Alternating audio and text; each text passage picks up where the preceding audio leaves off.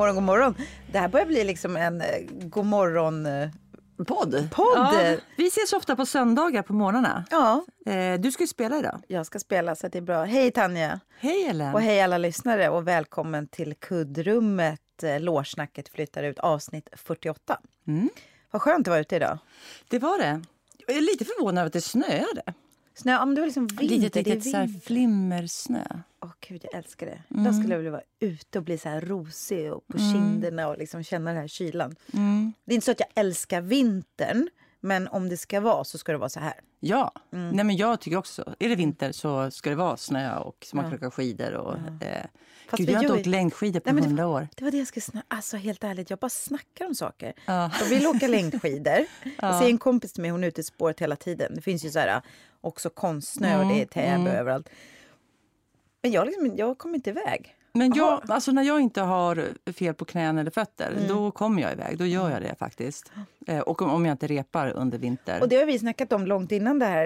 eh, Alltså för flera år sedan att vi skulle åka skidor ihop Mm. jag skulle haka på dig. Jag ska köpa ett par såna där eh, med såna här skinn under. Ja, för alltså, det finns ju så bra skidor nu. Ja. Jag har ju så gamla som man ska valla och det.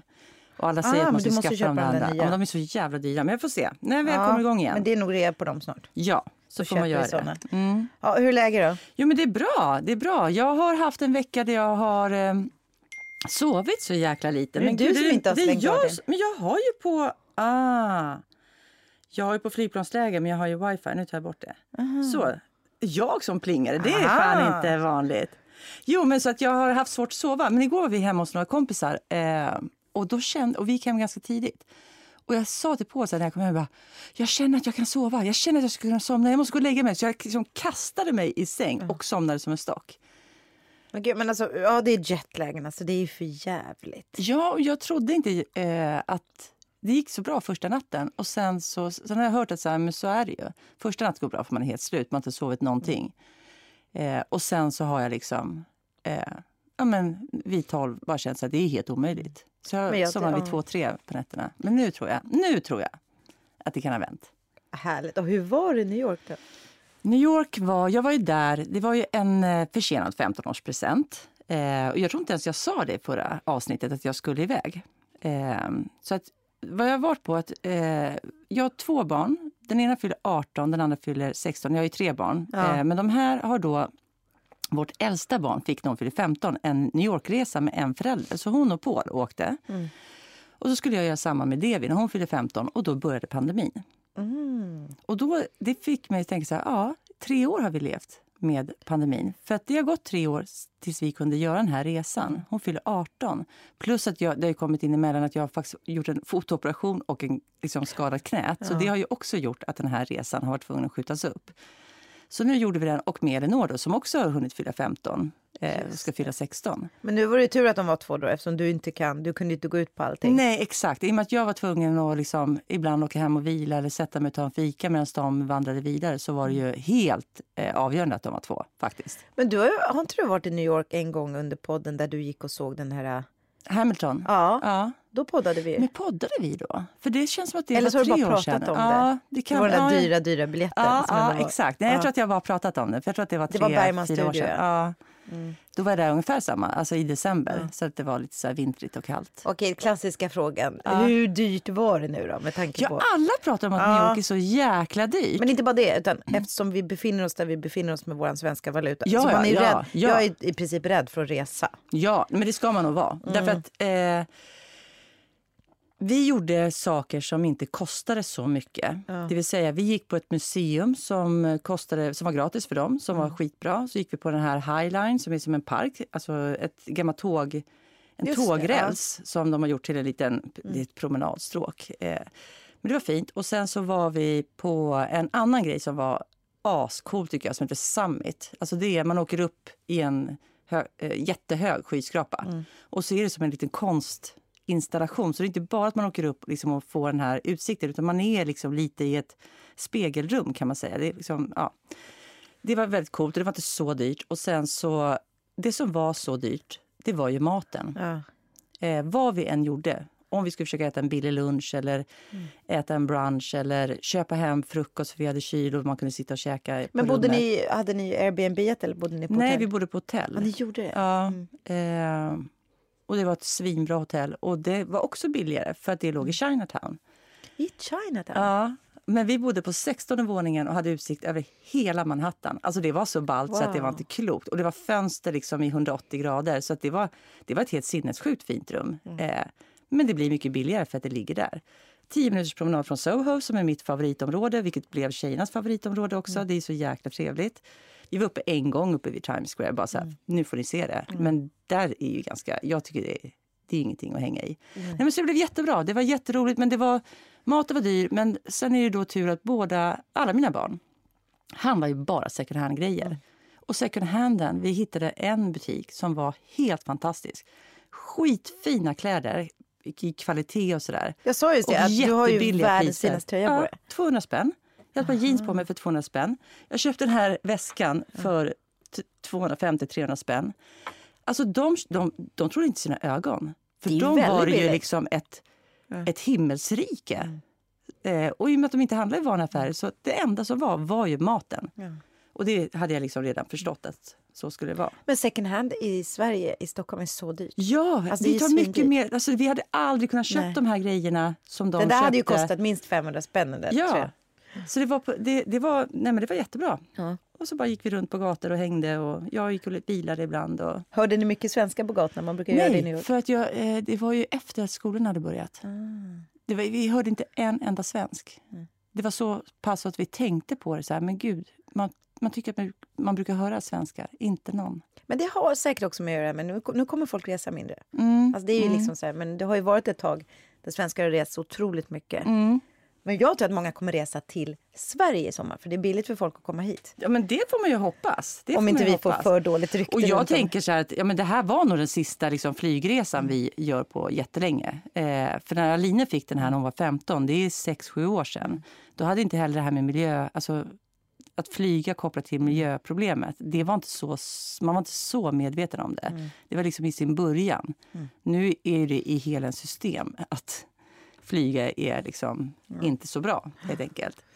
Ja, men gud, vilken, jag avbröt dig. Skulle du säga något? Nej, nej, nej. jag skulle bara skoja lite om ja, att, att folk inte kommer bli åka till Sverige efter våra dåliga rykten. Och vad, mm. vad tror folk om Sverige? Vi, alla har fått en helt annan bild på hur vårt land är. Och mm. snackar med, så här, jag älskar att snacka med så här, taxichaufförer eller folk vad de tycker om. Var, var, om man säger att man kommer från Sverige så får ja. man alltid olika. Ja. Fick du någon sån här spontanare? Ja, men det var bara, det var, alltså, vi åkte ju tunnelbana hela tiden men det var taxichauffören från flygplatsen eller Uber-chauffören från flygplatsen till hotellet. Mm. Eh, var det precis så. Ja. Han pratade, han längtade, han ville åka till Sverige. Va? Det var hans dröm.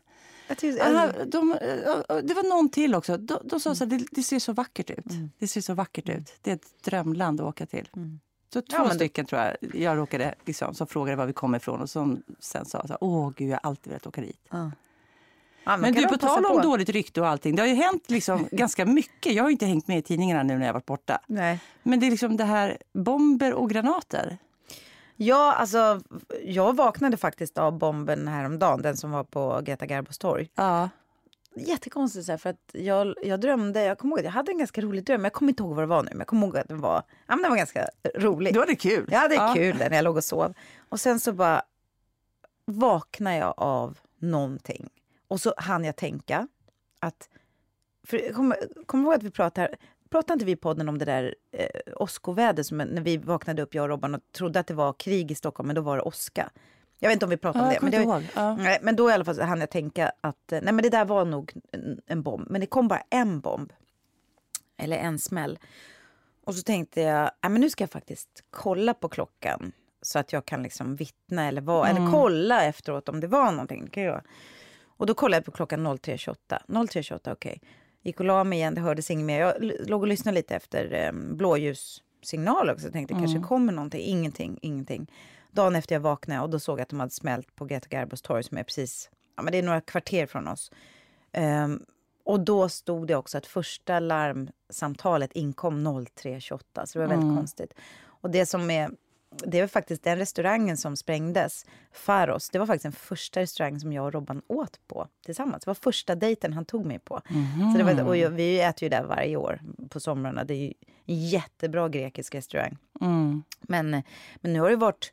Alltså jag har ju tre kompisar som har haft bomber i sina hus. Det är ganska anmärkningsvärt man tänker på Mm. eh, menar, vad är det för sannolikhet eller statistik eller någonting. Mm. Och då har det ju varit, den här var ju liksom, jag var där och tittade dagen efter, det var ju fönster och så som var, som var trasiga, men den här var nog lite mindre. Men då har jag, in, jag har inte vaknat.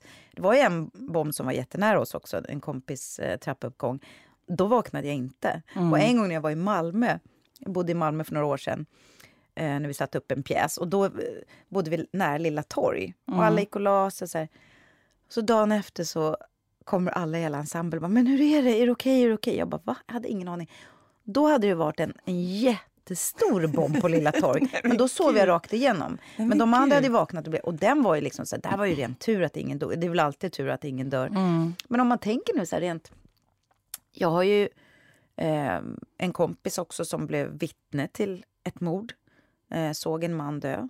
Eh, så jag menar, sannolikheten snart att man verkligen drabbas, ju- Ja. den blir högre och högre. Ja. Men eh, det är inte så att man springer omkring och är rädd. Men alltså, vad är det som händer? Ja, alltså och den här det- helgen har det varit ja, mycket. jättemycket. Igår var jag Ja. ute och gick med min kompis.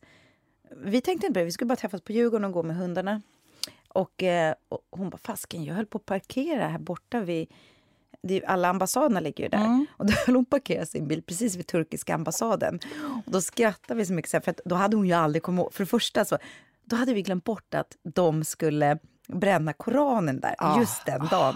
Vi bara, ja. Så då fick hon ju flytta sin bil. Och sen Ja. gick vi förbi där innan. Och då hade de redan börjat spela massa, jag vet inte vad det var, kurdisk musik eller någonting. Men då skulle de ju bränna Koranen och hon hade ju aldrig fått ut sin bil. Men Nej. sen så verkade det som att det blev ganska lugnt där ändå. Men han Ja. var ju där och gjorde det. Ja, ja, jag har faktiskt inte hunnit kolla, följa upp det där och se vad... De har väl nog försökt att ge det så lite uppmärksamhet Ja. som möjligt. Men eh, i Turkiet bränner de ju svenska flaggan nu. Så att, eh, ja, på brännarstrået. Ja, herregud. Ja, nej, men vi får hålla tummarna för vår stad. Det här är ju verkligen fruktansvärt allt som händer. Men jag skrattade lite åt eh, rubriken som var i en sån här eh, lokaltidning. Polisen säger vi vet mer än vi kan säga. Och då kan jag bara säga Ja, jävlar i mig vad jag hoppas att de vet mer. Men man blir lite tveksam. Nej, vi får, vi får försöka sova gott på nätterna. Ja, det får vi göra.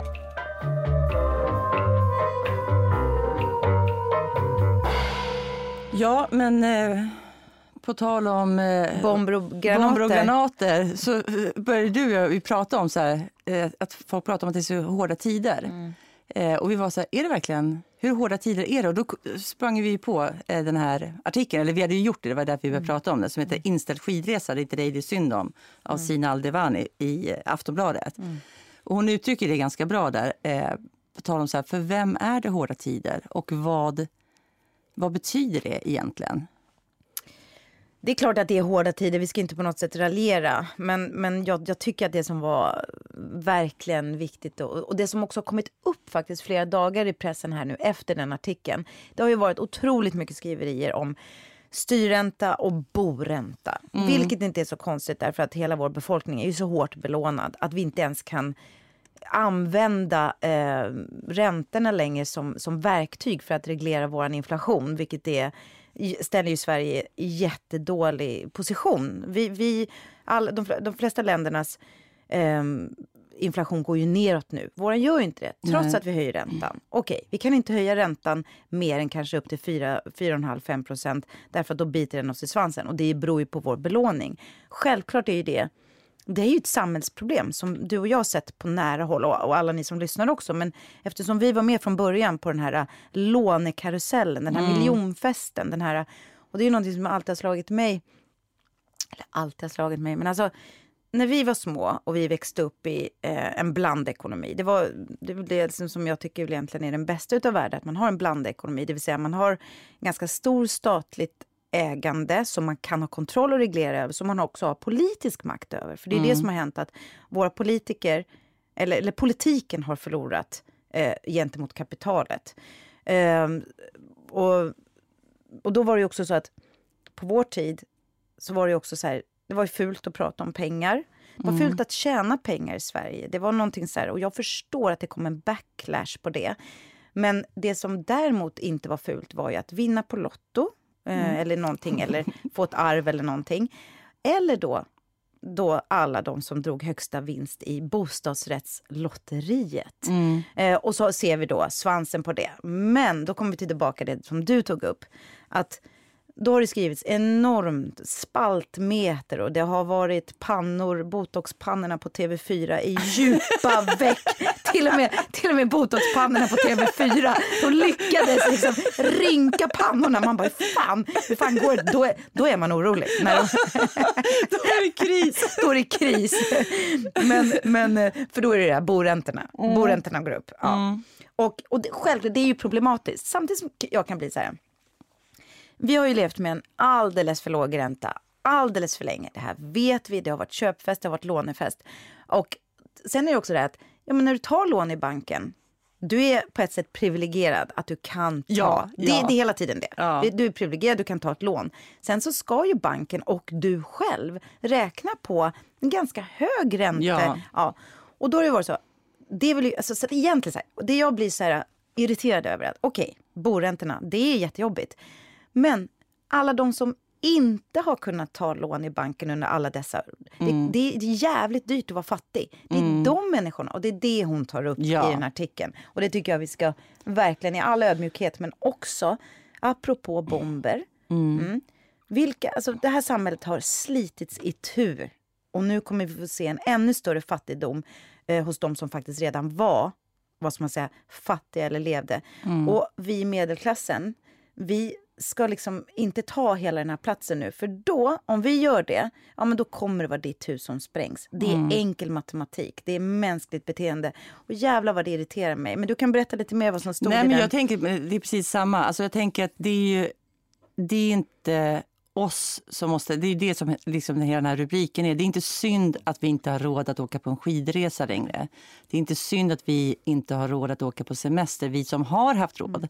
För det är precis som du säger, det är de människorna som aldrig har haft råd att resa överhuvudtaget, aldrig haft råd att resa på skidresa, som faktiskt nu har problem att ställa mat på bordet.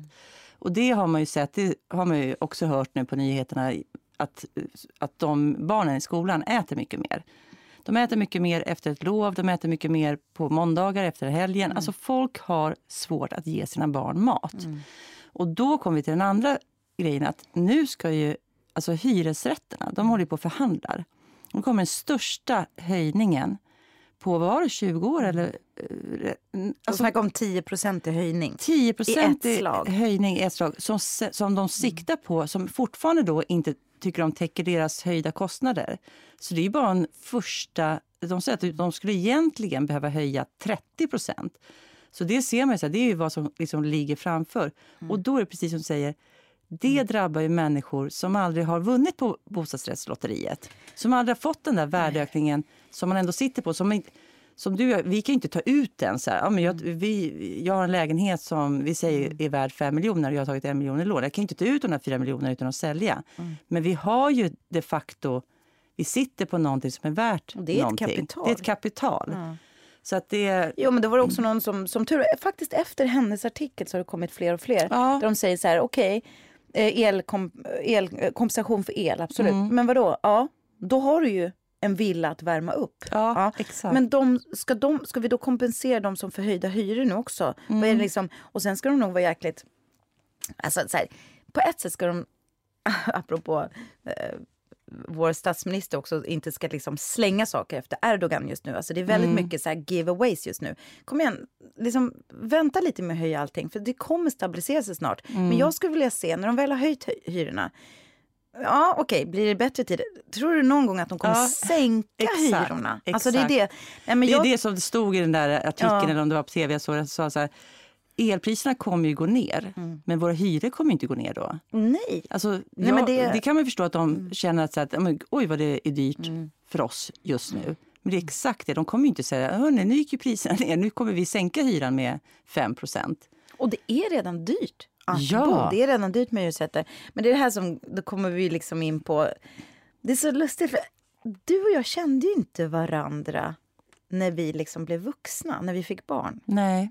Så vi har ju inte gjort den där resan, men vi har ju pratat om det, att vi har gjort den där... Vi har verkligen levt i... Jag, jag, jag kommer ju tillbaka till det, att Sverige förändrades. Helvetet började på, på Nytorget i sandlådan. När på alla, vilket sätt? Ja, men alltså... När alla jäklar fick eh, ombilda sina eh, hyresrätter till ja. bostadsrätter. Jag kommer ihåg att det enda folk pratade om i sandlådan på Nytorget, det var kvadratmeterpris. Ja. Det var liksom... Det, det, var som att Sverige över en... Och nu snackar inte jag, jag vet ju, alltså nu snackar jag det är klart att det inte är Sverige, Sverige, men min värld. Men det här var början på slutet på 90-talet eller början på 2000-talet ja. vi, vi är i nu, eller hur? Ja, exakt. Precis ja. när vi fick barn. Allt, allting mm. förändrades. Då kom den stora hyresrättsomvandlingen. Ja, och, och och det, och det var människor som, alltså det var det enda som pratades mm, om. Mm. Uh, och, och då var det som sagt några som då uh, gjorde den här fantastiska resan. Men jag skulle påstå att Sverige förändrades där i grunden, riktiga, riktiga grunden. Och det är det vi också sagt förut, det där med, um, då fick ju folk barn. Alltså 70-talisterna fick barn. Mm. Vad är det för föräldrar 70-talisterna har blivit? Ja. Jag, skulle, jag skulle såga hela 70-talist... alltså vid fotknölarna. Vid fotknölarna. Ja, varför det? Nej men alltså jag kan... Ja, det är så roligt. Det är våra så här, så här amatör... nu kommer en riktig ja. amatör. Nej men alltså så här, okej. Det, det, är så intressant när man läser historia. För ibland när man läser historia så är det så svepande. Ja. Och då är det så här, ja just ja, det var någon gång mellan 500 och 800-talet som eh, Genghis khan säger så här. Det är ungefär 300-400 år som man, ja men du var nära. Ja. Du var nära, du var bara 200 år ifrån. Och sen man de här korta perioderna.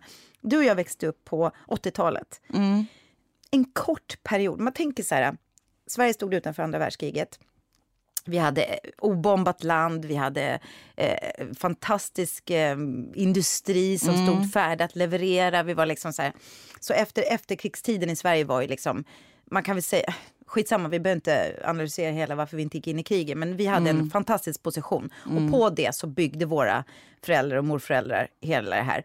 Vi fick ju skörda frukten av det, något otroligt. En mm. kort period på 80-talet när du och jag gick i småskolan. Mm. Småskolan, mm. bara det uttrycket låter ju gammalt. småskolan!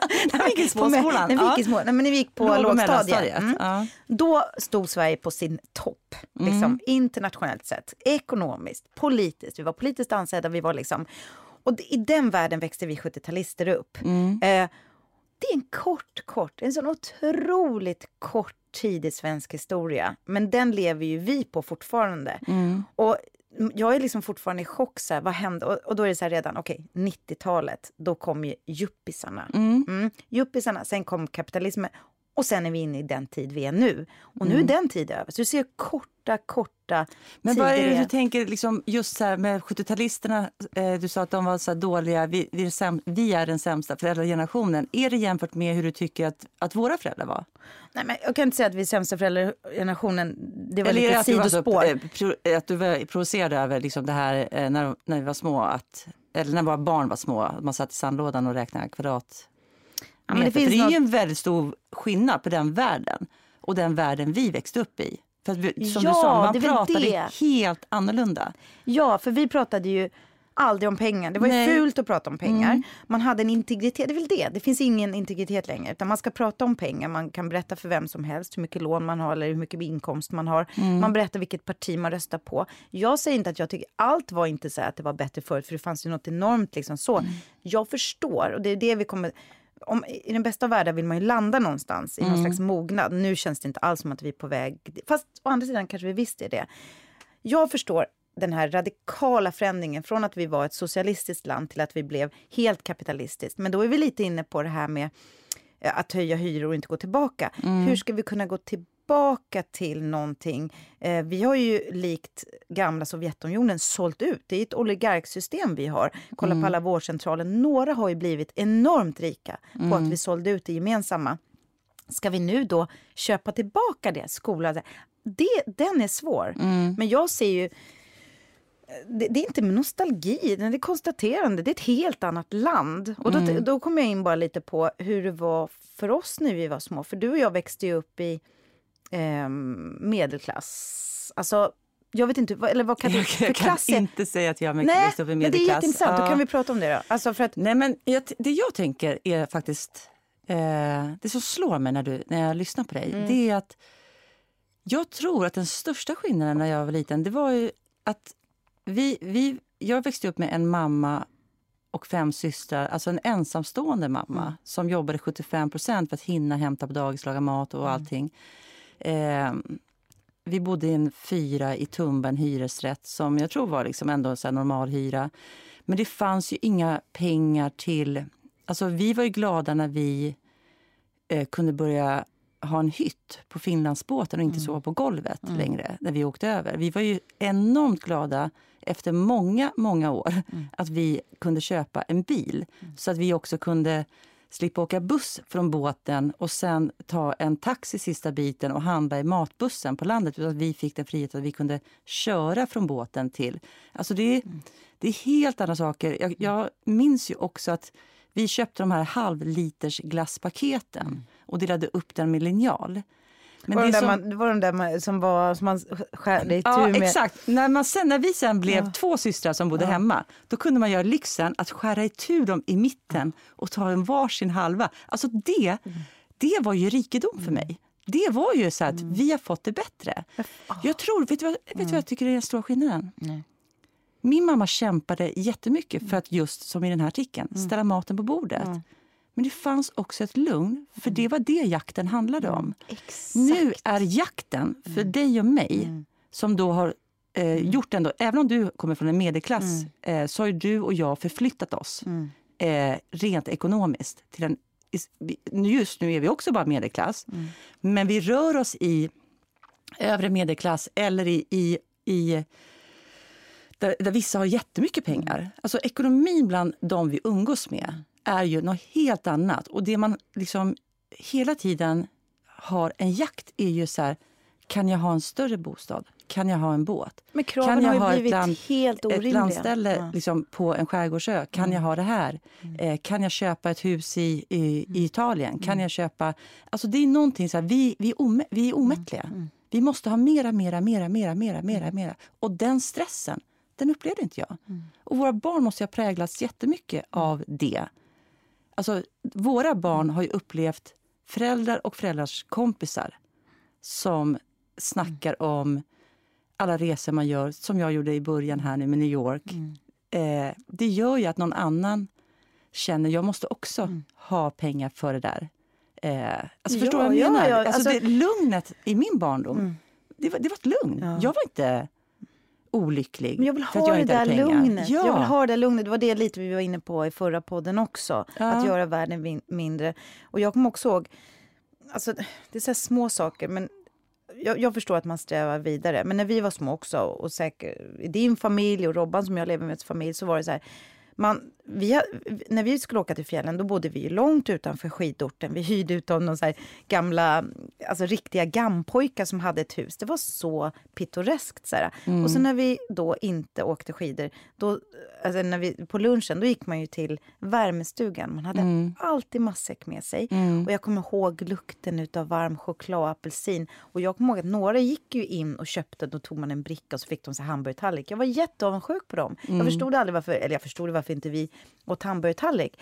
Men, och när man åkte upp så stannade man vid vägkanten och tog fram sin macka. Pappa tog en cigg och så här. Alltså, Och sen när vi fick barn då och vi gjorde den där äh, monetära resan på något sätt. Eller kapitalismen började bita oss. Vi, vi liksom doppade vår första lilla jävla tå i kapitalismen.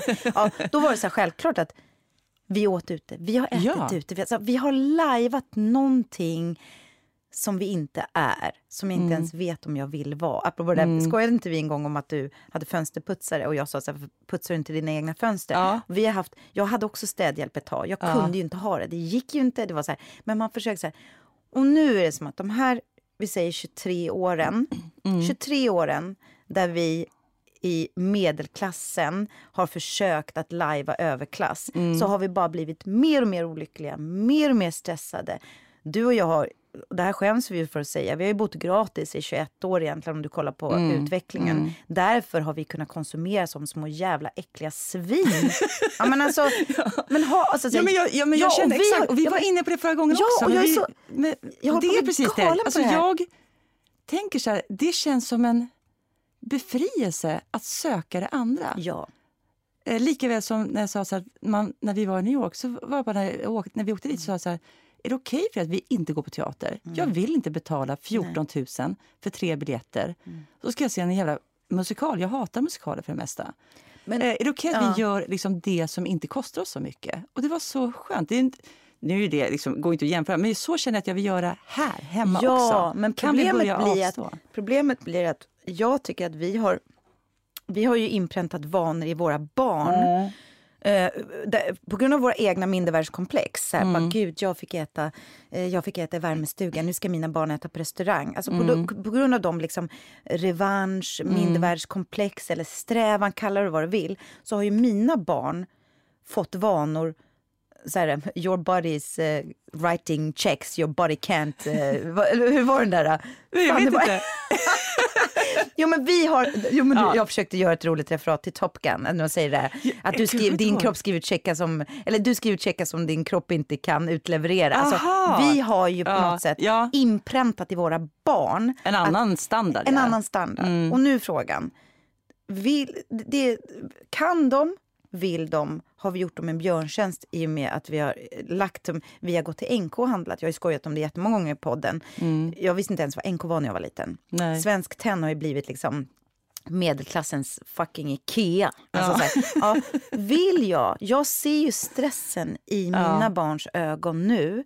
Eh, jag ser eh, statushetsen, jag ser jämförelser. De har sociala medier att ta hänsyn till. Vi, det har ju vi också nu. Men jag vet inte, jag undrar om inte vi eh, har gjort oss själva och våra barn en stor, stor björntjänst med att försöka springa ett lopp som de aldrig kommer kunna komma i mål på.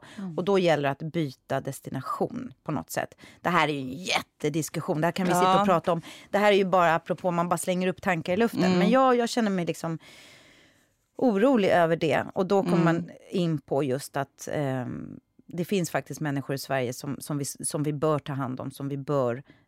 Vi, vi kommer inte ha, kunna ha kvar vår frihet om vi inte bryr oss om de barnen som har det sämst just nu. Våra barn, eller vi, och det finns folk som har det bättre, måste sänka sin standard. Vi måste bli solidariska, annars kommer de barnen spränga våra barn. Alltså förstår du? Det är som, Och det, det är inte för att någon är ond.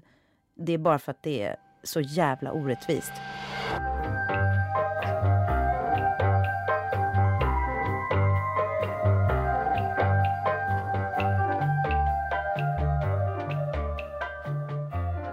Ja, men vi fortsätter väl på samma linje. Det är januari, det är snart lön, alla är pank och så. Men vi har ju, är det någon gång då som man behöver litteratur, kultur, fantasi, mystik så är det väl nu. Och vi har en hel del, allt kostar ju inte pengar heller. Nej. Eh, vi har ju fantastiska Sveriges Television, Sveriges Radio, alla poddar som ligger ute, kunskapspoddar, snackpoddar. Och vi har väl i alla fall lyckats få i oss lite. Ja, du tipsade eh, om en dokumentär som heter Tennis, teater och revolution. Och jag hade sett den lite så här, och inte fattat så här, om det var en tv-serie, en humorserie, men det var ju en dokumentär på SVT. Jag satte på den och jag blev helt alltså, överväldigad. Eh, jag älskade den dokumentären och det handlar då om bollhusen. Och vad är bollhusen, Ellen? Nej, men bollhus, vi har ju, eh, det uttrycket har ju vi snubblat över många, många gånger. Jag har aldrig att- fattat vad det är. Ja, men jag visste vad det var på så sätt att och då kommer vi ju, det är lustigt att det, det är ju Dramaten, så här är det, att bollhusen startades, ja, vad blir det, 1740-talet, 1750-talet? Nej men alltså ännu mer, alltså, när jag satt och kollade på den här dokumentären då började jag faktiskt anteckna för jag tänkte så här, jag måste ha fakta rätt här. Egentligen så, så var det liksom eh, själva spelet körde pom som man spelade i, alltså handens det, här, alltså- spel. det, det här är alltså ursprunget till alla racketsporter Ja. i hela världen. Ursprunget Ja. till tennis. Och man förstår ju så väl varför tennis är en kunglig sport eller varför det är Ja. en rik sport. Eller? Ja. Eh, och, det, och nu kallar man det här spelet för real tennis i England. Alltså det här är det riktiga. De tycker inte ens att den vanliga tennisen skulle någonsin ha fått heta tennis. För det här är tennisen. Eh, den började på gatorna redan så på 1200-talet. Eh, spelade man mot väggar. Och sen på 1400-talet, redan då så byggde man en massa bollhus i Europa. Eh, och sen så kom det liksom Eh, på 1700-talet så kom det till Sverige. Då kom det första bollhuset. Men bollhusen är, är ju då alltså en, en, En rackethall. en rackethall. Ja, det, det är huset där man, där man praktiserade den här bollsporten. Och Mm. alla skulle ju ha ett väldigt fint, det var väldigt status. Och det är ju så roliga paralleller till paddel nu ju. Att Mm. Ja. Man, ja. Nej men alltså för Och det första, ni måste se den här men vi ska ändå prata Ja, lite om den. ja. För bollhuset då, det byggde ju Gustav den tre, nej hans pappa va? Ja, Gustav II Adolf. Gustav II eh, Adolf byggde det första bollhuset som då ligger, om ni tänker att ni står nere på Skeppsbron och så har ni ju eh, slottet och kyrkan, där finska kyrkan ligger på vänster sida. Först har du Gustav III statyn och så går du rakt upp där på Slottsbacken. Där låg det stora bollhuset. Nej, vet du vad? Va? Det var det lilla bollhuset. Det stora bollhuset kommer jag inte ihåg nu var det låg, men det är rivet. Ett, det här är det lilla Ja, men de byggdes bollhuset. bredvid varandra. Ja, är det så? För Ja, det lilla det. bollhuset är det som är kvar och det är det som har blivit Finska kyrkan. Exakt. Ja. Där är jag döpt. Nej. Där har jag gift mig och där är David döpt. Och jag hade ingen aning om att det var ett gammalt bollhus. Men vad roligt att Ja. du. Nej, jag hade ingen aning om heller att du hade gift dig där. Ja. Men det som på så sätt att vi kände till bollhusen var ju för att vi visste att det var där. Och det är ju det som är så fantastiskt med den här. Den heter ju också då Tennis, teater och revolution. För det här var ju stora byggnader som byggdes där människor samlades. Ja. Så när de inte spelade den här bollsporten så började teatern. Det var där Gustav III startade det som vi då ser som fröet, eller som är fröet, till det Dramaten vi jobbar på idag. Och det har vi vetat. Men vi fick ju veta så mycket mer om bollhusen än vad vi Ja. visste. Och det är en jättekomplicerad och speciell sport. Alltså den har massa linjer. Mm. Så här, det finns en, en mottagarsida och en servicesida. Den är ju Mm. en väldigt komplicerad. Det var ju någon som sa så här, det är som att spela tennis och spela schack samtidigt. Ja, otroligt rolig. Ja, den är så fascinerande. Och där är några vänner och kollegor med till oss. Erik En och eh, Erik Stern och Sanna Sundqvist. Och de gjorde lite roliga... De gjorde lite roliga liksom, karaktärer där. Ja, Nej, men den här är fan genial. Ja, man märker att dok- dokumentären är gjord, en fransk gjord tror jag. Ja. Men sen så gör de då för att sälja in dem till olika länder. Så i Sverige har de tagit några skådespelare. Säkert om de visar den i Finland tar de några finska skådespelare. Aha. Så de har gjort, jag tror det är samproduktion. Så klipper de bara in de svenska delarna för att det ska bli relevant. Men, nej, men vi kan så djupt rekommendera den. För det handlar liksom om, dels för att man får ursprunget till tennis. Mm. Och sen så kopplingen till revolutionen. Alltså att man samlas. Man hade politiska Stor- möten i de här Exakt. och sen så började man spela teatrar, ja. Eh, teater på kvällarna och opera. Och det här visar kraften i offentliga samlingslokaler. Det som Ja. vi då i tidigare poddar har pratat om att man faktiskt raserar i Stockholm nu. Man tar bort mötesplatser. Det är Mm. ett väldigt effektivt sätt att motarbeta revolutioner och annan politisk utveckling. Mm. Tankeverksamhet människor emellan. För nätet eller inte, World Wide Web, det är när vi möts på riktigt Mm. som, vi, som, som idéer, som, som empati uppstår. Det Mm. kommer också in på ett kulturtips som jag har, som eh, den här hjärnan, om hjärnan. Mhm. Och det är ju det, och det, är ju det som inga... eh, Alltså, nej men alltså den, den är så jäkla bra den här. Ja. Ni måste se den faktiskt. Får jag bara säga, alltså på tanken med så här, våra kulturtips, det var så himla fint. Ni var några stycken, några, lys- några lyssnare som eh, skickade DM och sånt till oss på vår Instagram-sida, Kuddrummet, heter ju den, Kuddrummet podd. Och det, tack för att ni gör det. Den ena skrev så här, Åh, jag, gick och, jag, sprang och, eh, jag köpte spelet som du tipsade om. Jag köpte spelet direkt. Nej, eh, ni borde roligt. ha provision. Eh, den andra skrev eh, Åh, jag fick tag i boken, den här Medborgarboken Ja! som vi sa att vi vill ha. Och så på vilken sida, om det var Bokbörsen eller jag kommer inte ihåg nu exakt.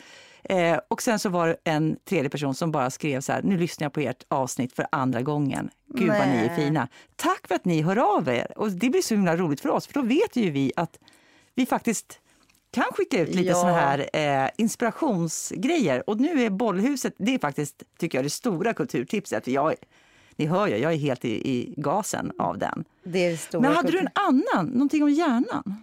Ja, men det här känner väl alla till. Men jag har ändå börjat titta på den här eh, Din hjärna utav Anders Hansen. Anders Hansen är ju den här populärforskaren som forskar om hjärnan. Och det ligger också på SVT. Det, jag har sett första avsnittet. Det är otroligt bra. Och det, det tangerar också lite det här med möten, apropå bollhuset, apropå människor som ses. Han pratar i första avsnittet om att vi delar lätt in varann i vi och dem, att det finns en anledning till det. Och alla, alla hans program kan man ju rekommendera, hans sommarprat, hans, för det ger alltid någonting. Det är någon lucka i mitt huvud som öppnas. Och där jag tänker att allt det här när man går i terapi och man liksom så här, egentligen borde man bara läsa och lära sig mycket mer om sin hjärna. Man skulle bli så otroligt mycket mer förlåtande mot sig själv när man mm. förstår. Så det är det jag ska göra. Jag, kan tänka, jag har ju massa saker ibland som jag tänker så fort jag hör att det finns en koppling, just det, det där är din utveckling i den hjärnan, eller du är mänsklig. Han får mig att känna mig så himla mänsklig. Jag tycker han är helt mm. fantastisk. Anders Han Hansen. hade någon serie för flera år sedan som det, för då var han ju fortfarande, eh, då hade han ju också, men den hette väl antagligen inte Hjärna, men den, den handlade också egentligen om hjärnan, men den hette säkert någonting annat. Mm. Eh, den handlade om jag, människans utveckling. Eh, och han formulerar det så himla bra. Det är precis som du säger, alltså man får massa så här, ja. eh, basala så här, aha, ja, ja. Ja, och grejen är också det man verkligen kan koppla till som det vi tog upp i början av programmet med bomber och och, och gäng, nu använder vi inte ordet gäng, men det ligger ju där. Det finns mm. ju hela tiden på våran eh, näthinna i Sverige just nu. Han pratar ju om ond eller god, vad är vi? Och varför vill vi så gärna tillhöra en grupp? Det är mm. centralt mm. i människans hjärna. Och jag skulle påstå att, eh, eller påstå, men jag har tänkt mycket på det där med man, det, inte, det handlar inte alltid om pengar eller droger och så när det är gäng. Det handlar om att du vill vara med. Du söker mm. gemenskap. Och det han gör i första programmet här är att han visar hur pass liten eh, faktor vi behöver ha eh, gemensamt för att uppleva att jag är jag och du är du. För att vi, han tog ett konstexempel, han bara delade upp i, eh, det var två konstnärer, du tycker om den tavlan, du tycker om den tavlan. Bara på det lilla kunde han skapa friktion, kunde han skapa, och det tror jag inte man ska underskatta sen om när man pratar om just eh, gängkriminalitet och sånt. Jag tror inte alls att det bara handlar om pengar, snabba cash. Det handlar om att du vill vara med, du vill ha en grupp. Mm. Och, och det saknar vi i, i det samhälle vi bor i idag eftersom vi är så sekulariserade. Vi tillhör inte en församling, vi tillhör ingenting. Man har såklart Hammarby och så kan man hata på Djurgården, det räcker ju långt. Men så att hans ja. program väcker alltid någonting. Så det kan du koppla ihop till allt det vi har pratat idag. Samlingsplatser, och mm. vi och dem. Mm. Mm. Spännande, den har inte jag sett. Så det, nu ja. ska jag se den också. Eh, däremot har jag sett Händelser vid vatten.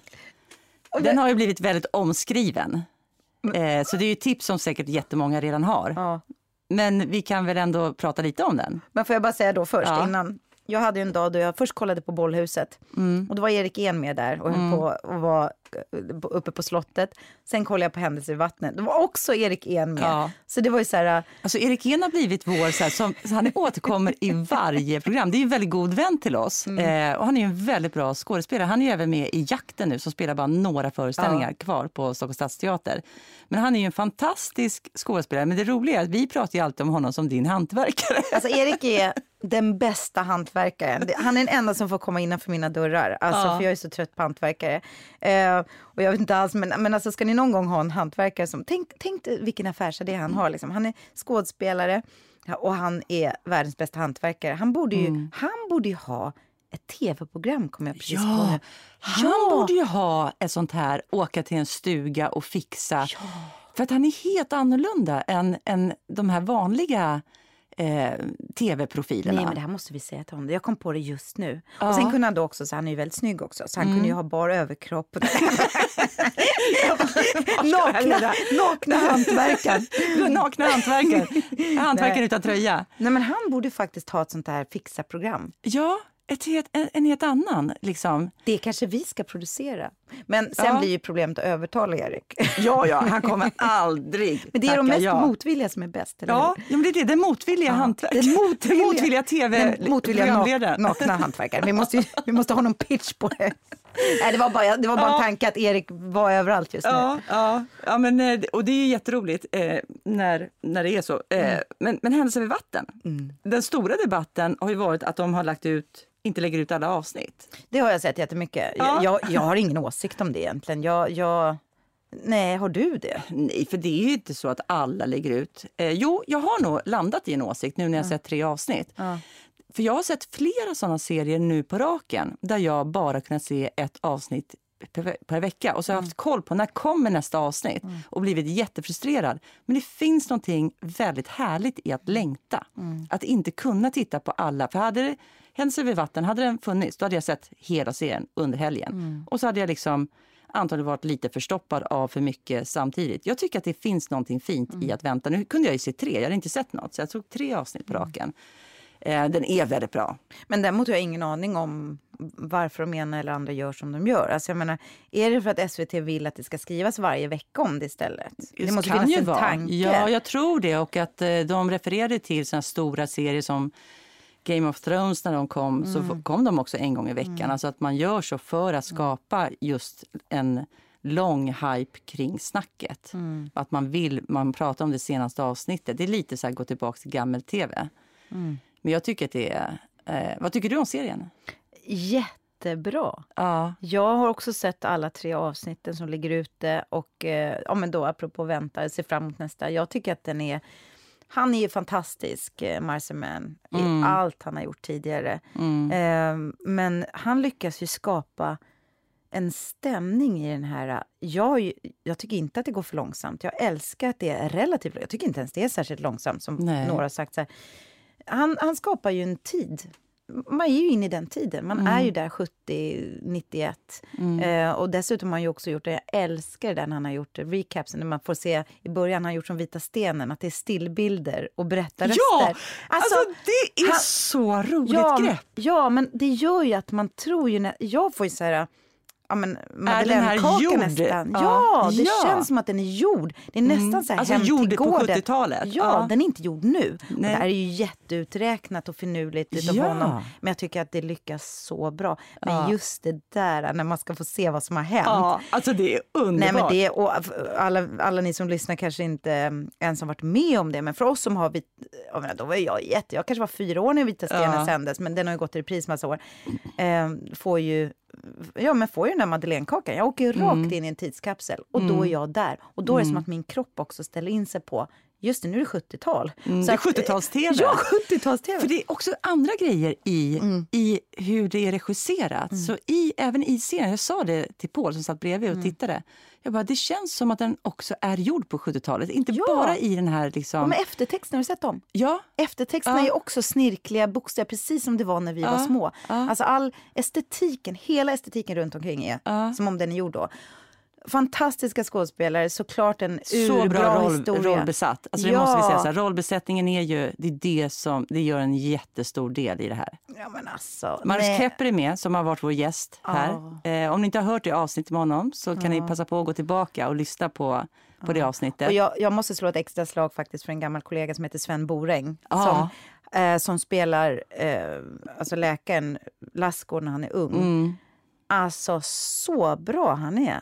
Alltså, nej, men jag, jag tycker så mycket om serien. Jag, det är som ett drömprojekt faktiskt. Ja. Apropå om man är skådespelare själv får med i. Alltså den tycker jag ni ska se allihopa. Ni har säkert redan gjort det men ändå. Ja. Den, den, Och sen har ju jag tipsat dig om en. Det här är så roligt, mina men tips gud, va? nej, men, Och jag, jag kände direkt, och du, eller du sa direkt så här, jag kommer nog hata denna. Och det är ju Hotell Romantik.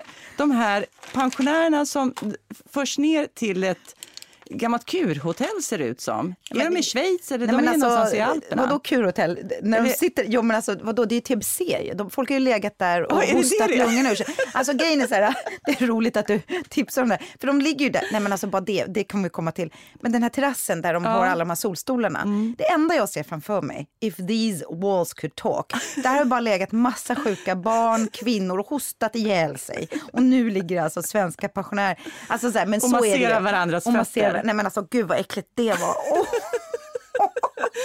Men vad tycker du då? Jag älskar den. hur kan du älska den? Ja, men jag tycker det är så jag tycker det är ljuvligt. Jag tycker de här pensionärerna är ljuvliga.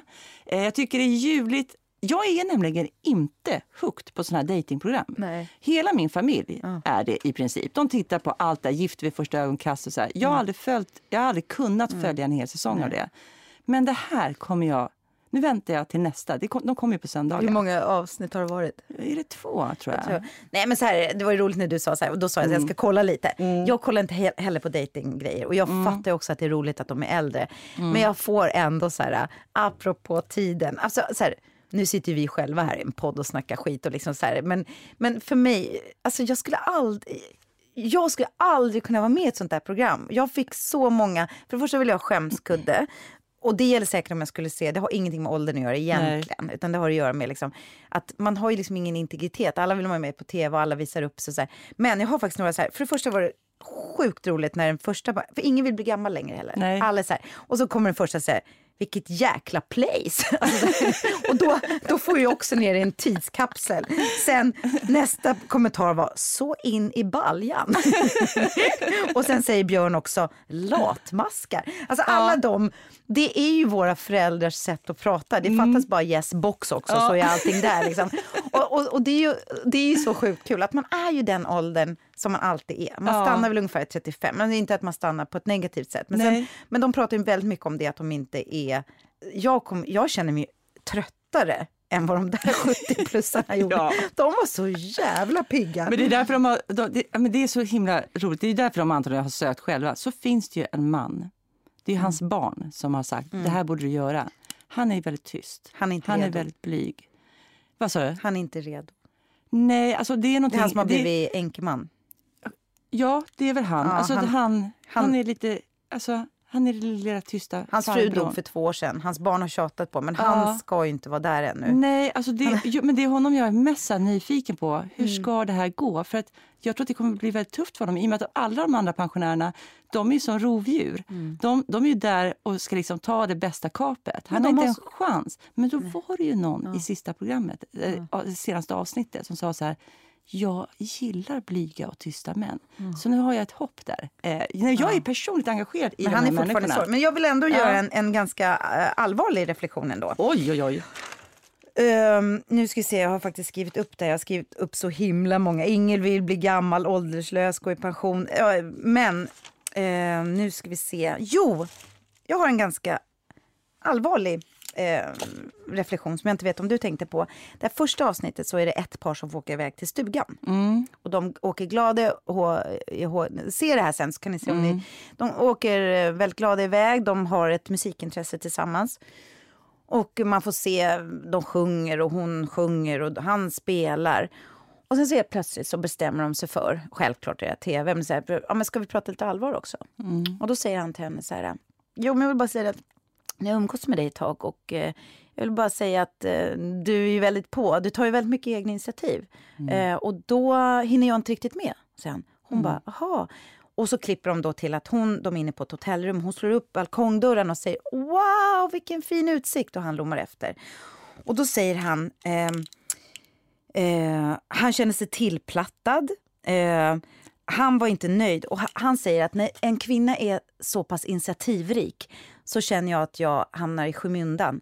Och så säger han så här med eftertryck, så här, där vill jag inte vara. Ja, alltså det här är så och intressant. Vi har inte pratat om det här. Nej, men det här men var det faktiskt här... vidrigt. Ja, det är så intressant att du tar upp det här. För man fick kalla kårar när man Nej, såg men det. det här var faktiskt så här, jag vet inte om de har skrivit om det här i några kvällstidningar så här, men grejen var så här. Okej, okay, för det var det också så här, nu är det lite allvar så här, men, mm. men, men eh, sättet jag såg att hon dog, hon mm. dog i, mm. i realtid framför mm. kameran hos oss. Mm. För vad hon hade gjort var, precis som vi alla, både män och kvinnor, försöker vara. Hon ville visa sig härlig, positiv, öppen, utåtriktad. Mm. Det är det som primeras och det är så man vill vara. Mm. Det, det, tar ju lång tid innan man vill visa sina introverta eller sårbara sidor. Vilket är självklart. Det gäller på Tinder, det gällde i vår ungdom innan Tinder. Självklart, man vill visa sig härlig. Vad han gör är att man ser den här jävla manstypen. Mm. Alltså, han har sin fucking jävla gitarr med sig. Han har suttit på varenda fest mellanstadiet och spelat gitarr och fått all uppmärksamhet. Det är mm. där han vill vara. Jag måste ändå mm. säga att jag blir nästan hatisk mot den här manstypen. Jag blir nästan mm. så här, mm. jag blir upprörd på riktigt. Och han, uh, han skammar henne. Mm. Han får henne att vilja... Det här är början, skulle jag påstå, utan att uh, självklart kan inte veta med de här människorna så här börjar ett förhållande som skulle kunna bli riktigt jävla destruktivt. Mm. Uh, så att jag, nu ska jag se vad men det är så intressant att du tar upp den, just ja. den händelsen. För den, jag reagerade så starkt ja, men vad också. Bra att, du sa det, för att... att han uttryckte sig så. Nej. Och där vill jag inte vara. Nej. För då hamnar jag, då tar jag ett kliv bakåt och sidan. Vill. Och jag vill inte vara där. Nej. Och hon, ja. jag såg på henne så här, hon, ja. hon dog där. Mm. Och då börjar en anpassningsgrej. Sen var hon helt annorlunda när de kom tillbaka. Sen satte de sig längst ifrån ja, varandra på nästa middag. Ja, för vad hon gjorde, hon tappade han, tog, han ryckte undan mattan för henne. Ja, hon, sa- fick ju, hon fick ju faktiskt en, en verbal käftsmäll. Hon, Hon fick, ju en fick- örfil. Hon fick en örfil. Mm. Och, och vet du det, hon kommer säkerligen inte att anpassa sig. Men vad hon sa sen var så här, ja jag vet inte, vi har ingen attraktion till varandra. Mm. Det hade de visst kanske. Men hon, antingen så var det så att hon känner igen det här. Mm. Alltså hon har hon kanske inte fått höra det förut, men hon kan känna igen. Hon kommer inte gå in i ett förhållande med honom som tur är, för att hon är 75 plus. Mm. Men vad väldigt många kvinnor är, att de gör det, då börjar de anpassa sig. Så här, Eh, för han, för de, det är nämligen någonting gammaldags över det här. Det är samma sak. Det är en kille som också säger i programmet som säger så här, ja men män ska ju vara tuffa, de ska ta för sig och så här, det är svårt att vara snäll. Han säger också så här, jag vill ha en tjej med långt hår med bra ekonomi. Det är exakt samma jävla skit. Då tänker man, gud det här tar aldrig slut. 75, 80 och de vill ha exakt samma. De vill ha samma saker de tänder på, de vill ha samma yttre attribut, bu- eh, attribut. De vill också ha samma på ett sätt könsroller. Sen när de sätter sig och ska åka rådel, då börjar det igen. Alltså jag måste ändå säga att så här, det här är SVT. Det här är faktiskt det är pinsamt på en ny nivå. Därför att då är det så att då ska tjejen sitta längst fram och hålla i pinnen. Ja, det vill säga, det finns någon sexual... Hon ska ju liksom hålla i, i kuken längst fram. Och killen ska sitta bakom. Och då är det inte en gång, utan kanske sju gånger som de skämtar om att han Alltså killen då som sitter bakom håller lite för högt upp. Åh, jag kan inte låta bli. Du vet, du vet så här, du kan hålla runt magen. Ja. så här, och så var det några då som fick tillåtelse att hålla på tuttarna för att diafragman hon fick inte luft. Men alltså det... Jag förstår att man vill gå in i det här med hull och hår, men det är samma skit vi reproducerar. Det spelar ingen roll hur gamla de är. Alltså, de har inte kommit längre. Och jag känner så här, jag ser inte fram emot att bli gammal på det där sättet. Nej. Alltså, så jag måste ändå säga, ja visst härliga pensionärer i all ära, men de eh, spelar på samma jävla marknad som vi andra. Ja. Så att jag... jag Ja, spännande. Det här, det här måste ju göra, om man, om man inte har sett det här så måste det här göra folk nyfikna tänker jag. För det är Ja. så jäkla roligt. Och Jag tycker du har skitbra reflektioner, jag håller med dem. Men jag älskar ändå, jag kommer titta på det. Ja, och alla, vet du vad, vi människor, det handlar inte om att jag på något sätt, jag dömer ingen. Jag Nej, dömer jag ingen, utan det är bara det att, Mm. och jag kan ju säga så här som tjej, kan jag säga så här, jag reagerar jättehårt på saker därför att jag har varit med om de här sakerna själv. Mm. Och när de säger så här, till exempel hon ska ha långt hår, då vet Mm. ju vi att det är ju en sån här grej.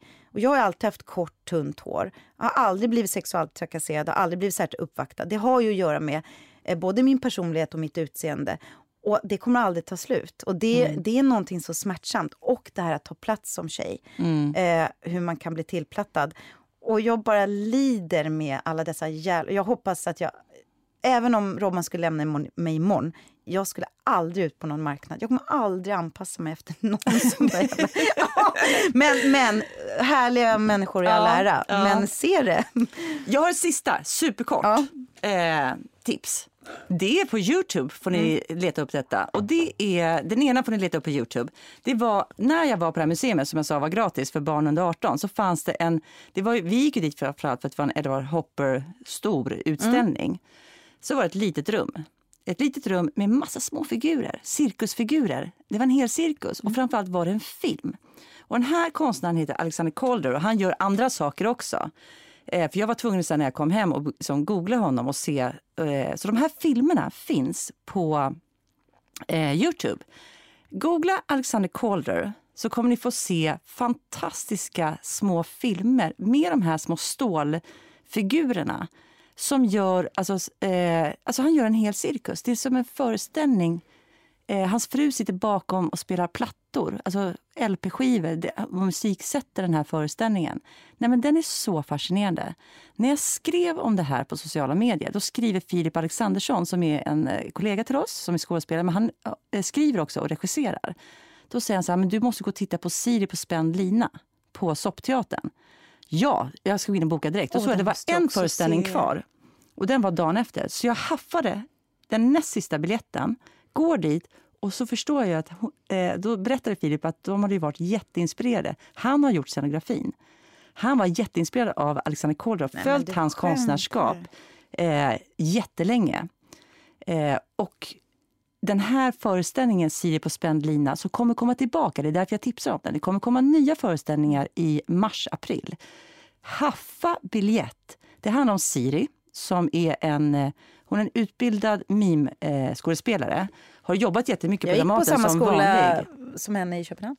Jaha, och jag gick ju samtidigt som henne på scenskolan i Stockholm. Hon är en gudomlig skådespelerska. Hon är en fantastisk meme-artist. Men hennes bakgrund är ju att hon är uppvuxen i en cirkusfamilj i Finland och startade den första liksom, riktiga finska eh, kringresande eh, cirkusen. Mm. Och det här handlar om hennes liv och Filip har skrivit manuset som är skitfint. Se. Så det här är mitt tips. Alexander Calder, Youtube, Siri på spänd lina, Soppteatern, Stockholms stadsteater. Alltså, det finns så mycket spännande att göra. Det, ja. det gäller apropå hjärnan, öppna hjärnan. Ja. Och vad ni än ser, se det med liksom, försök att se det ur kritiska ögon eller försök att se det med era ögon. Ja. Vad mm. roligt, jag ska verkligen se Siri. Mm. Ja, men det här var ju massa bra kulturtips. Ja, verkligen.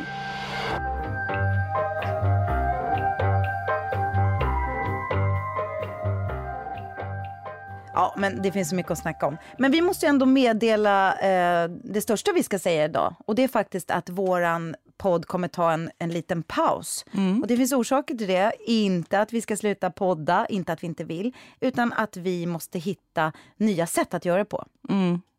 Vi måste erövra tekniken. Ja, och vi har tänkt det, liksom, vi, har, vi har faktiskt sagt det under de, de här två åren. Det är mm. två år sedan eh, som vi började podda. Så har vi sagt så här, nej, men vi måste få en ekonomi i det här. Mm. Eh, vi måste få sponsorer och vi har ju faktiskt försökt att lägga, alltså så här, kontakta lite större tidningar, försökt lägga oss under deras paraply för att se om det skulle kunna vara lösning.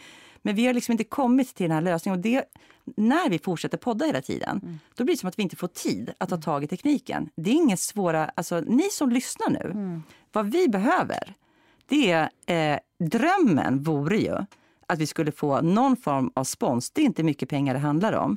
Så att vi kan betala vår klippare. Mm. Det är egentligen det som ja. vi, det första. Men det andra vi behöver, alternativet, mm. det är ju så att vi har pratat jättemycket om att vi skulle vilja ha egna mickar. Det kostar inte mycket heller. Mm.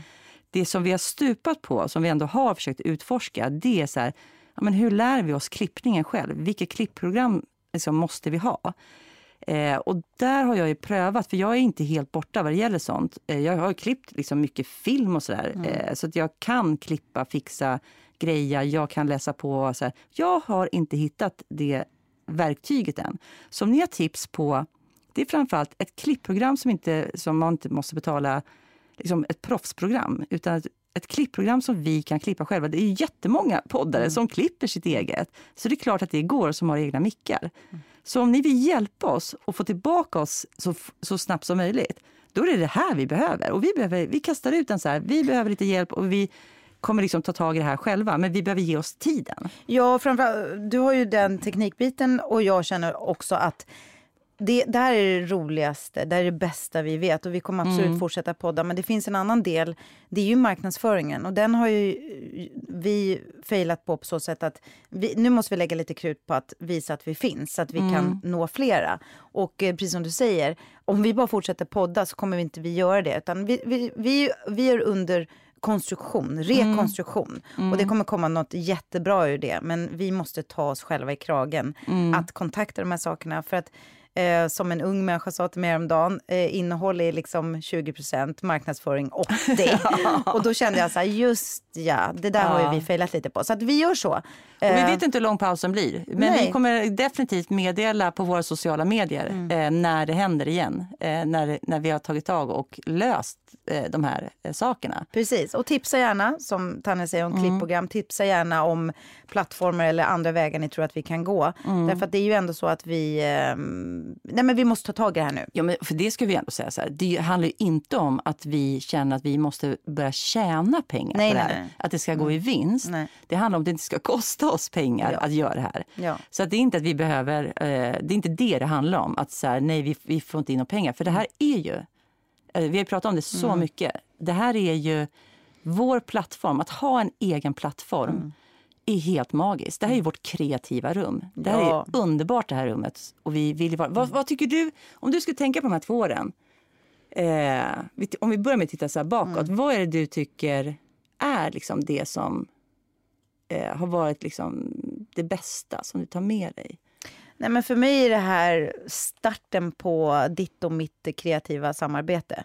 Så att, eh, att vi gjorde det här själva, att vi... Eh, dels att min hjärna, mitt tankesätt, min, min blick, utblick på samhället eh, är ständigt... Min hjärna tänker ständigt på innehåll på ett positivt sätt.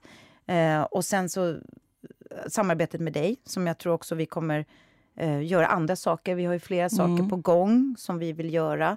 Eh, för dig och mig handlar mycket om att eh, strukturera och planera tid, att organisera. Och för mig handlar det definitivt om jag är ju usel på marknadsföring, usel på sociala medier och jag älskar innehåll. Så i min drömvärld skulle någon producent ta tag i mig och säga så här, Ellen, jag vill gärna ha din hjärna, jag vill gärna ha dina idéer, men jag marknadsför. Eh, jag måste bara säga att vi finns. Men jag tror inte att... Jag kommer aldrig vara den människan som lägger ut 40 bilder på mig själv i månaden. För att jag, jag, jag måste, någon annan måste pusha mig. Jag har bra självförtroende på många punkter, men inte det. Nej. Så det är det vi kommer söka. Vi kommer söka samarbetspartner. Vi, och nu har vi också bevis på att vi kan leverera, leverera innehåll. Mm. 48 avsnitt som har varit... Så det, det tar jag med mig. Att du och jag har inte bara en solid vänskap, utan eh, nu har jag hittat min kreativa partner. Så vi får se, så fler saker kommer komma upp. Jag känner precis samma. Mm. Det är liksom det absolut största. Sen så tycker jag bara så här, en reflektion som jag fick eh, väldigt, väldigt tidigt. Det var ju att... Och det, alltså, alla de här grejerna triggar mig bara att Ja men gud, det, det är ett bevis. Det jag kommer säga är ett bevis på hur viktigt det är att göra det här. För så fort du gör någonting där någon reagerar eh, med som att man, är, alltså att man blir ett hot. Eh, då, har, då, är man ju, då gör man någonting som uppenbarligen är är liksom, som är någonting. Och det första som hände när vi började podda var att vi satt i TV4 och gjorde en morgonintervju och så fick vi liksom av vår arbetsgivare ett mejl att vi behövde prata om gränsdragningar och så. Och det kan man ju det kan man ju verkligen förstå. Det var inget konstigt alls. Men det var en ton i mejlet som var lite uppläxande. Som jag reagerade väldigt starkt på och skrev ett väldigt eh, eh, hårt mejl tillbaka. Och sen hade vi ett jättebra möte och allt det där. Det var inga problem. Men det var den första grejen. Att vi fick en liten sån här... Vi blev uppkallade till rektor. Eh, den andra grejen var, ganska snabbt efter så fick jag höra av den, vår sambochef som vi hade då, att hon hade fått ett meddelande från en person som hade reagerat på att jag hade pratat om scenskolan. Att jag och Jonas Karlsson behandlades olika. Eh, och jag kunde bara se att det var på grund av kön, av att jag var kvinna. Eh, och pratade om hur sårig min relation med mina kvinnliga klasskamrater blev under den tiden. Men jag pratade ju också om hur vi reparerade och hur mycket jag älskade min klass. Men då hade någon hört av sig och sagt att eh, jag tycker att det var för jävligt att Tanja eh, pratade illa om andra kvinnor eh, i den här podden. Och det skickar den här personen till min chef. Eh, det tredje som har hänt är ju att en regissör som skulle arbeta på Dramaten eh, jag märker att hon är extremt, vi ska ha ett möte, hon är extremt provocerad av vår podd. Och det här är så roligt för vi har ju sagt hela tiden att den här podden kommer inte vara en granskande podd. Det här, vi kommer inte ställa folk mot väggen. Det här är en varm podd. Man ska komma in i vårt kuddrum. Den heter Kuddrummet eh, av en anledning. Eh, och går in på hur vi har haft en gäst här och tycker att det som vi sände ut var för jävligt för det byggde bara på fördomar om teatern, att vi lät henne prata på det sättet. Och då frågar jag så här, vad var det problematiska? Eller vad tänker du att jag borde ha gjort? I att det, du, som, du pratar till mig som att jag, vi, vi har en väldigt problematisk podd. Vad, skulle jag ha menar att jag borde ha konfronterat henne, att jag och Ellen borde konfronterat henne. Så här, men gud, hur kan du säga det där? Det hon sa var ju bara, alltså hon återgav en händelse. Och då säger den här regissören så här, nej ni ska ju klippa bort det. Och då tänker jag så här, men det är helt sjukt att det kommer människor med den här snälla podden som vi har. Och som hela, alltså så här, som på något sätt ändå, det är ju ett sätt att försöka tysta. Det är ju det det är egentligen, begränsa. Och, då, och då tänker jag så här, ja, men det här är det här är ett mönster jag känner igen sen jag var liten. Och vi pratar om det i podden väldigt tidigt. Eh, mönstret av att du som kvinna tar plats. Precis som den där kvinnan i det programmet, Hotell Romantik. Jag tänkte på det när, när du sa det. Han blev hotad, men det är så jävla vanligt. Alla de här grejerna som jag tar upp har kommit från kvinnor. Det är kvinnor som har hört av sig och tycker att vi eh, gör någonting som är farligt, uppenbarligen.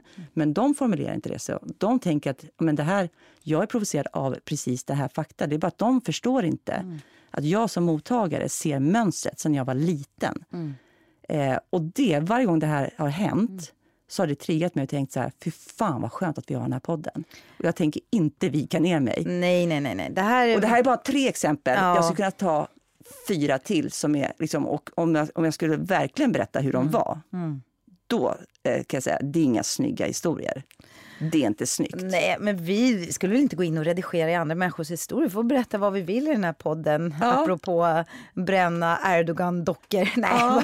nej, men nej, jag fattar precis vad du menar. Det är väl klart, har man en plattform så kommer man ju alltid bli kritiserad. Alltså, och Ja. man kommer alltid, vi har fått jättemycket beröm och det finns alltid folk som skulle kunna tycka varför sitter de där två och tar plats och så här. Men för oss är det här jätteviktigt och det är någonting som vi absolut vill fortsätta med. Vi måste bara utveckla det. Mm. Men absolut, det är att det är andra kvinnor som säger till för det har ju verkligen varit ett genomgående mönster här. Eh, och haft åsikter på en gäst. Vi hade till exempel att eh, han eller hon, eh, eller det var en hon då, då mm. behöver inte vara hemlig med, skulle inte ens ha varit gäst. Såna här saker. Ja. Men eh, då citerar jag återigen, vi har ju haft det citat många gånger som Maria Göransson säger, sticker ut hakan så får du beredd på att få en smäll. Ja. Och det är ju vi verkligen nu. Vi, Ja, vi, och vi har vetat om det, Ja, att det kommer komma lite käftsmällar. Och det är helt liksom, eh, fine, för så ser det ut. Så ser det ut. Så ser världen ut. Men vi har älskat det här och vi hoppas ju att ni som har lyssnat, ni som, vi, har ju, vi har ju några fina trogna lyssnare som skriver så fint till oss. Mm. Och ni ska bara veta hur mycket motvikt ni är till det där andra. Det andra det kan vi bara kasta bakom oss. Mm.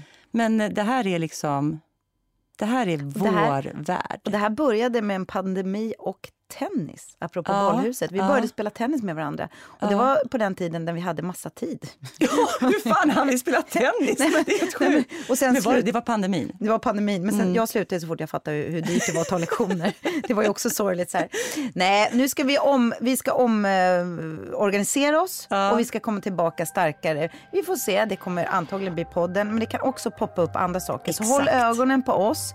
Och vi, som sagt, som Tanja sa, vi är så... Vi är taggade och tacksamma för, den här, för de här första 48 avsnitten. Mm. Och ni hänger ju på sen också när vi fortsätter. Men skriv gärna in, tipsa och ehm, säg vad ni tycker att vi ska göra för att nå ut i detta brus. Mm. För jag, vi upplever ju att vi har en, en, en bra röst. Vi ska bara få folk att, att veta om att vi finns. Mm. Det är det vi är sämst på.